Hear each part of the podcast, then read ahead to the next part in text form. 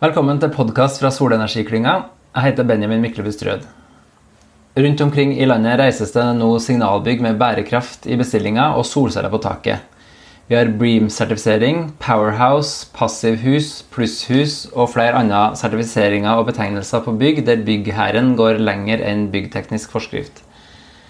Sjøl har jeg jobba i Vestfold klima- og energiforum og fulgt hvordan Ny Horten videregående skole har vært både et samlingspunkt for miljøambisjoner i bygg i regionen, og et arnested for nye samarbeid mellom bedrifter. Politikerne i tidligere Vestfold fylkeskommune vedtok at bygget skulle møte kravene i Bream Outstanding, og skolen er nå en energipositiv skole og var vinner i Bream Awards i 2019. Men eh, sertifiseringa gir òg en rekke utfordringer og krav, f.eks. om kollektivtrafikkfrekvens og fornybarandel. Som eh, de fleste ambisiøse byggeprosjekter inngår da solenergi som et ledd for å møte kravene.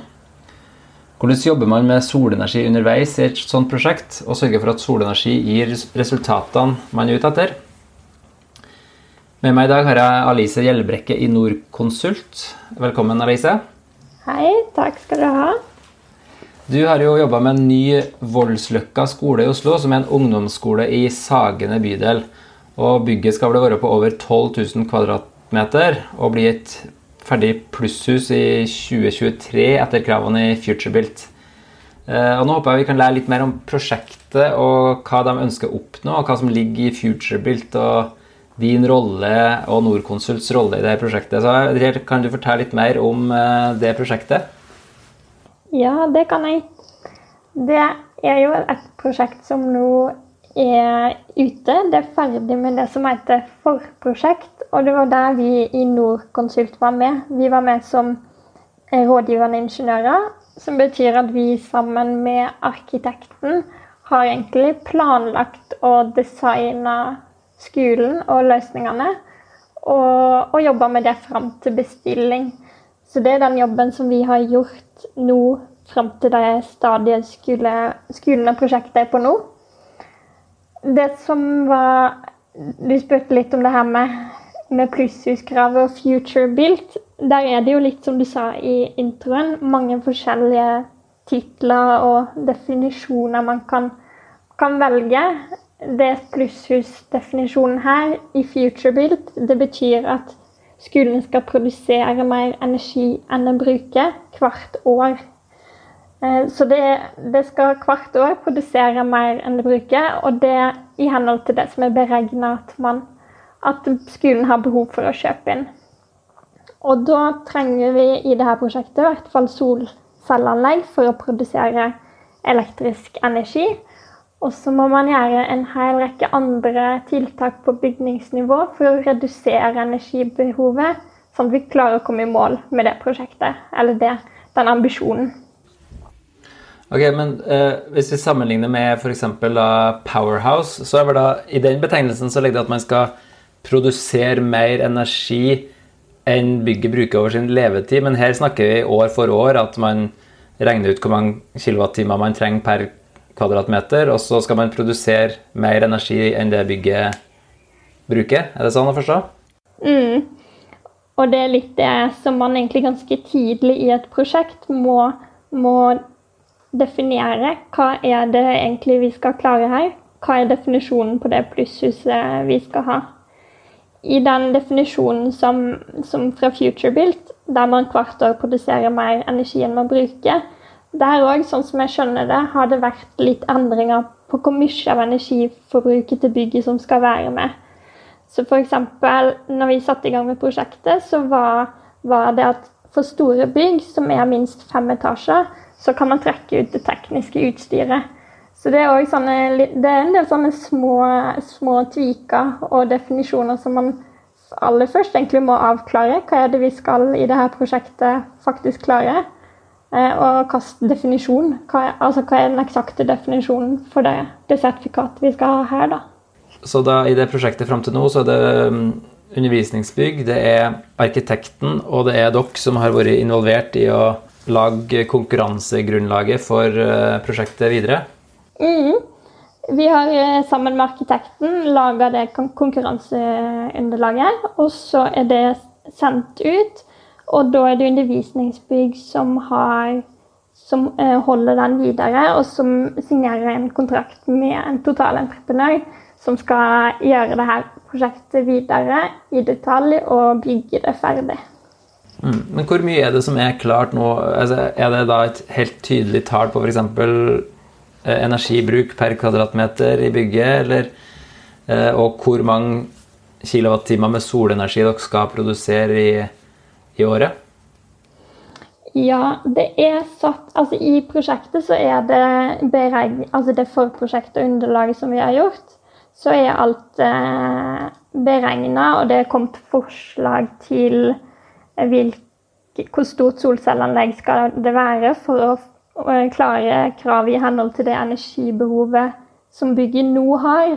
Men det som kan skje når man går videre og, og, og jobber i detaljprosjektet med det her, er jo at det kan bli gjort endringer som påvirker energibehovet, og som kanskje gjør at man da må endre litt på størrelsen på solcelleanlegget. Så det er ganske satt, og det er i det forprosjektet vi har gjort, hele veien sørga for at ok, har, nå må vi ha så mange solceller, og det har vi plass til. Da klarer vi denne produksjonen. Eh, men så er det jo da åpent for at det kan skje endringer i, i den siste fasen. Men da må man tilpasse de endringene sånn at man fortsatt oppnår det plusshuskravet. Og det er det vi òg litt har prøvd gjennom hele forprosjektet. Når vi ser at det er gjort endringer, så har vi prøvd ok, nå gjør vi en ny beregning. Klarer vi fortsatt det her? Og så ser man at ok, vi har litt ulike utfall og med litt ulike detaljendringer i prosjektet, så klarer vi fortsatt det her plusshuskravet. Ja, for da det, man er gjennom flere iterasjoner av, eh, av, utkast til hvordan skolen kan være i den fasen dere har vært i, og det påvirker hvor stort totalt energibruk man har. Og, og forskjellige design kan òg påvirke hvor mange solcellepanel det er plass til. Rett og slett. Er det sånne, på den måten dere har jobba? Ja, det stemmer. Det har vært, har vært litt forskjellig utforming f.eks. For av takformen underveis i prosjektet. Eh, som vi da har måttet gjort nye beregninger for å sjekke at det fortsatt oppnår eh, plusshusdefinisjonen. Mm.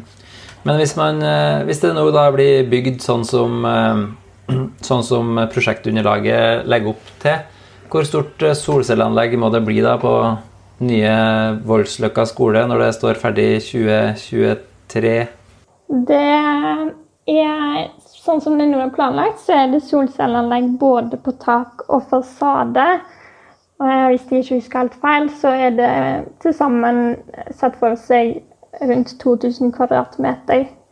Eh, men det kommer litt an på Det, det er litt åpen lagt opp til at man kan ha mer effektive eller mindre effektive solcellepanel. Så det, det er fortsatt litt åpent.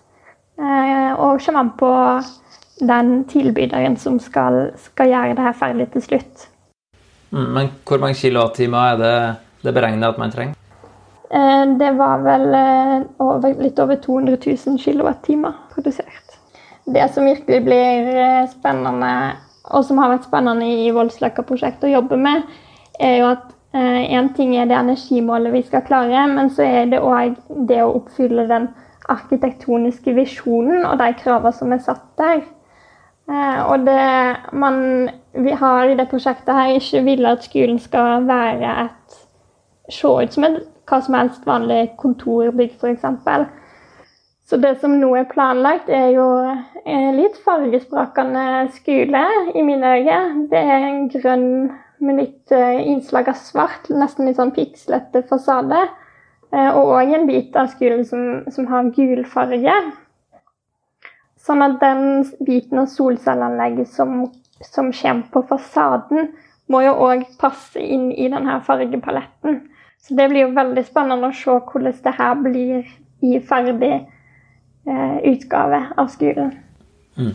Så det, det, det, som foreligger nå, det stiller ingen krav om hvor panelene skal være helt konkret? Da. Hvis man f.eks.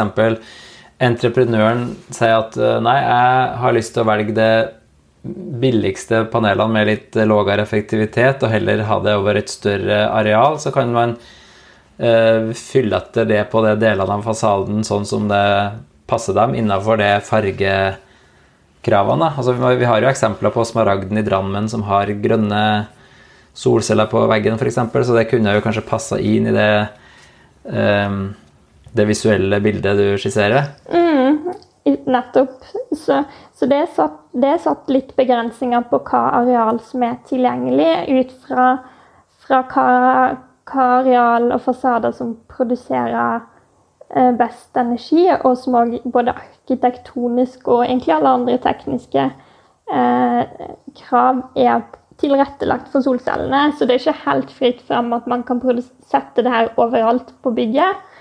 Eh, så, det, så, det, er definert hva, hva, flater er det som er tilgjengelig. Men innenfor de flatene så, så er det lagt opp til at det skal finnes litt ulike løsninger, og at man kan tilby et anlegg egentlig å jobbe litt videre med det i detaljen. Og, sånn at det er ikke 100 satt av oss, nei, hva, hvordan det her skal ende opp. Konkurransen ble vel utlyst sånn på slutten av 2019. altså Nå er det tre år til det skal stå ferdig. og Hvor langt tilbake er det at dere begynte å planlegge det her? Det var en gang i 2018 vi begynte å jobbe med det her prosjektet. Eh, og i tidlig 2019 så var vi kommet veldig langt og var nesten ferdig, så var det vel eh, rundt sommeren i fjor da, at, eh, at vi nærma oss leveransetida. Mm. Ja, for jeg tenker, Når dette skal bygges, så er jo gjerne solcellepanelene er jo, noe, er jo ikke det første som kommer på plass i et uh, bygg.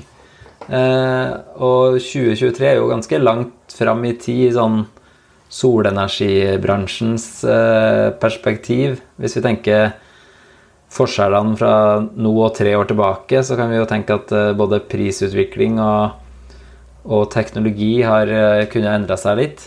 Mm. Hva er det slags sånn spillerom eller utfallsrom vi kan se for oss at entreprenøren kan eh, spille på? Eller hva slags usikkerheter dere har lagt inn? i, med tanke på hvordan verden ser ut i 2023? Ja, altså det er jo det Det er jo litt av den utfordringa når vi jobber med det her i 2018. Og så skal vi både sikre at, at vi beskriver produkt og løsninger som vi vet er mulig å få tak i, samtidig som vi skal tilrettelegge for at den at, at, ja, det er en veldig stor utvikling i solenergibransjen og solcelleverden.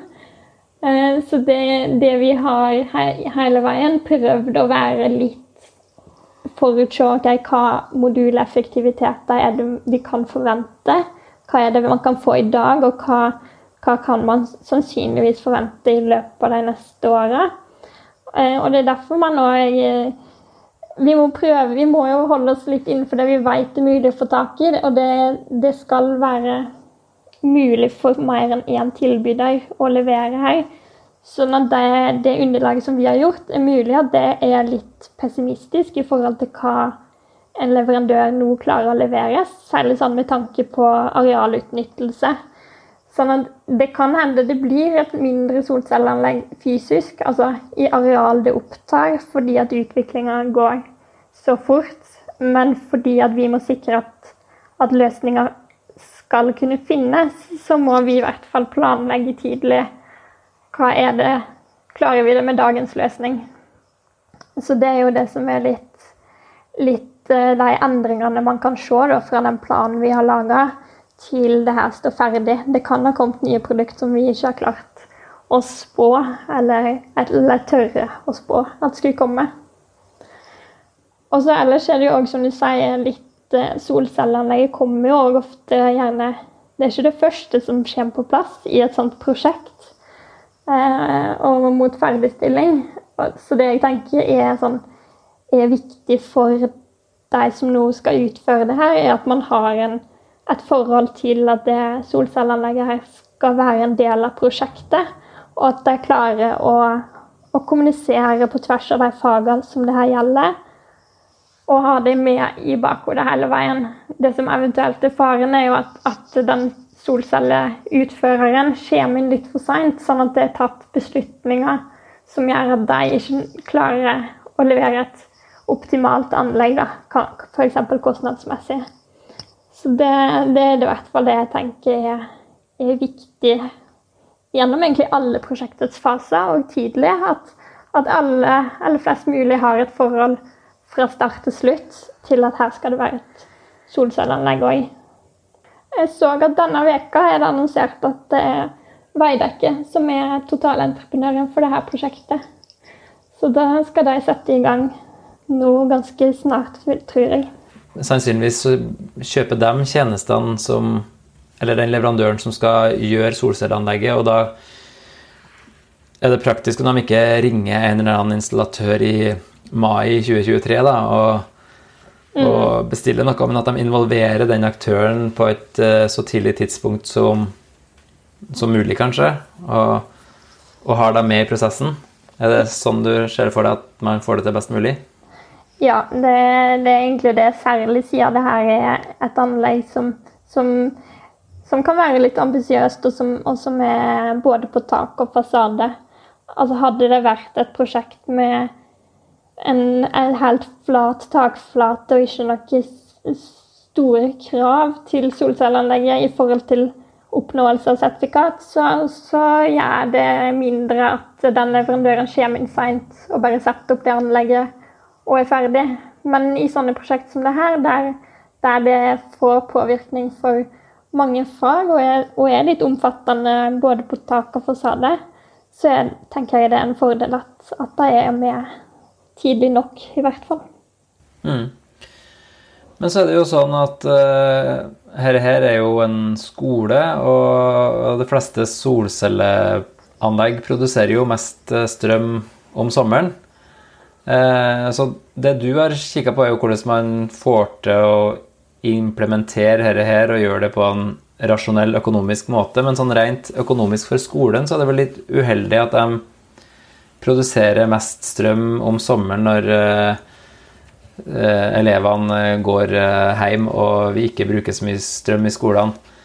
Um, så til sammenligning så snakka jeg jo litt tidligere med Trygve Mongstad som, i Asplan Viak, som har gjort et oppdrag på vegne av Trondheim kommune der de, der de har ønska å skissere hva slags bygg er det det lønner seg å bygge solcellepanel på. Det er jo en helt annen tilnærming som kanskje ikke flytte grensene på samme måte, men som eh, gir mer eh, økonomiske solcelleanlegg, da, der man kanskje vurderer litt mer hva slags type aktivitet skal vi drive på med i bygget for å øke solcelleinstallasjonens lønnsomhet.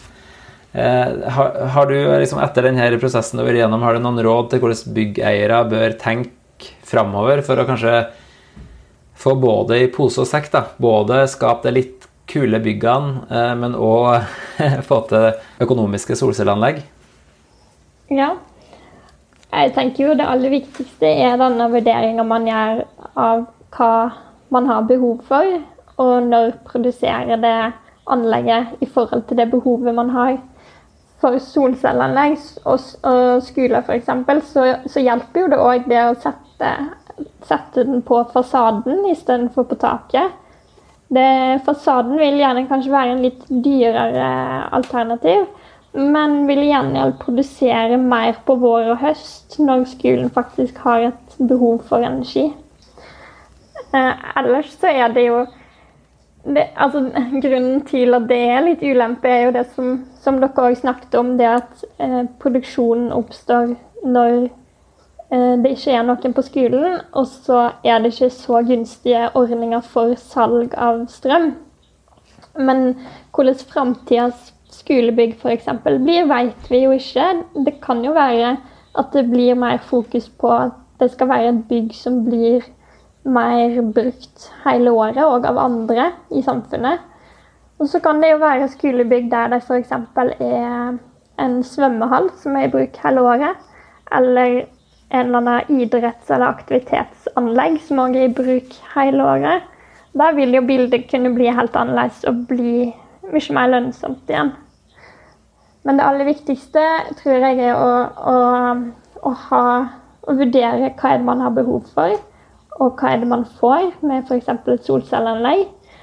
Og så vurdere det opp mot hverandre, heller enn nødvendigvis å skulle, skulle ha eh, kulest mulig sertifikat eller merkeordning. Eh, det er ikke alle typer bygg som, som, kommer økonomisk like godt ut av alle de sertifikatordningene, da, f.eks. Hvis en kommune da har en gitt eh, mengde penger å bruke på fornybar energi, så er det kanskje ikke den mest økonomiske måten å kreve at ett enkelt bygg skal være plusshus, og heller bruke pengene sine litt mer der det egner seg bedre. Er det det du mener da, eller?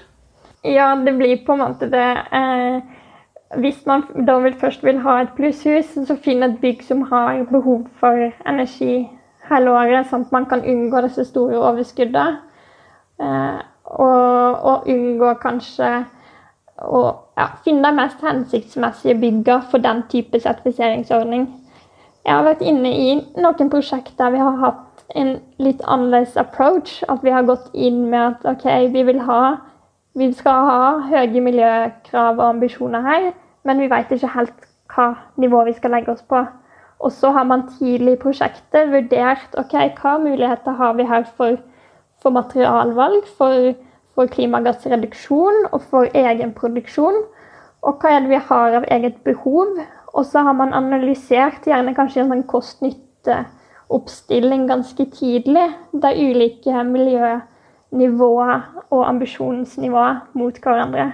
Og da har man kanskje sett ok, her er det mest hensiktsmessig kostnadsmessig å gå for et passivhus heller enn et plusshus. Eh, da kan det òg hende man ser at OK, var Vi er ganske nærme et plusshus her. Men den kostnaden for å løfte prosjektet akkurat opp til å få den, den tittelen, den er så stor at man kanskje ikke har lyst til å, å legge kostnaden der. Kanskje heller da bygge solcelleanlegg eller andre tiltak på flere bygg istedenfor på kun ett bygg. Så det er litt, eh, litt å ha ja, vurdere det litt fra prosjekt til prosjekt, og ikke nødvendigvis alltid eh, bare bestemme på forhånd uten at man ser at det er en god grunn da, til å velge akkurat det bygget. Men på den andre sida så er det jo veldig fint at det skjer mange sånne bygg. Det pusher jo markedet framover. Og det er jo veldig fint egentlig med særlig skolebygg som, som har såpass høye miljøambisjoner, og viser at man tar klima og og miljø på alvor. Eh, og det er jo òg der man når ut til de neste generasjonene. Så det er jo mange fine ting òg ved å velge denne type bygg, og velge, velge sette høye miljøkrav fra start av. Så det er litt ulike måter å, å angripe på det på, egentlig. Ja, det høres ut som en mulighet for å lære av de erfaringene og gjøre enda bedre bestillingsprosesser. At uh, hva slags type sertifisering eller målsetninger man skal velge, og en del av bestillinga fra f.eks. politikere. At man, at man, finner ut uh, hvor man får mest uh, value for money, på et vis. Ja, ikke sant. Og i tillegg har noe å smykke seg med. Eh, men samtidig er det jo selvfølgelig sånn at eh, hvis du skal bygge et eh, stilig bygg, så er jo gjerne solcellepanel ikke dyrere enn en del andre fasadematerialer heller. sånn at hvis du skal prøve å oppnå et, et bygg som vekker litt oppsikt, så er jo kanskje ikke en sånn energimålsetning noe dyrere enn annen type bling du kan sette i gang med. Hvis Nei, det, man ser sånn på det. Det er veldig sant, det. Og uh, i, helt, i, samme, i sammenlignet med et helt byggeprosjekt, selv om det er et dyrt solcelleanlegg i solcelleperspektiv, så, så, er jo det ofte ikke en veldig stor prosent av de totale kostnadene for hele byggeprosjektet. Eh, men det handler jo mest om hva man ønsker å, å, få ut av det. Ønsker man å gjøre det fordi det skal være mest energiøkonomisk? Eller ønsker man å gjøre det her for signaleffekten og, og, og videreutvikling av markedet? Så, så, det aller viktigste er å ha et bevisst forhold til hva det er man bestiller og vil ha. Ja, men uh, uansett så høres det ut som at solcelleanlegg uh, inngår i de fleste moderne bygg i framtida. Høres det riktig ut? Ja, jeg håper jo det. det, det gøye er jo at det finnes så mange muligheter, og du, du kan komme i mål med, med de fleste miljøambisjoner ved hjelp av solcelleanlegg, men, men du må kanskje i noen tilfeller betale ekstra for det. Det fine òg er at det finnes så mange muligheter. Du klarer å, å, å finne design og farger og form i dag som òg arkitekten kan bli kjempebegeistra for. Så signalbygg og spennende utforming og fargekombinasjoner og samtidig energiproduksjon, det mangler ikke det på. Det, det, handler bare om å finne de prosjektene man ønsker å, å gå for disse løsningene i. Mm. Da er det bare å se fram til spennende hus i mange farger som òg produserer strøm i framtida. Mm. Takk for tida di, Alice. Da um, får vi bare smøre oss med tålmodighet i noen år til før vi får se Voldsløkka skole ferdig med gul, grønn og svart. Vet du det? Jo, får håpe det.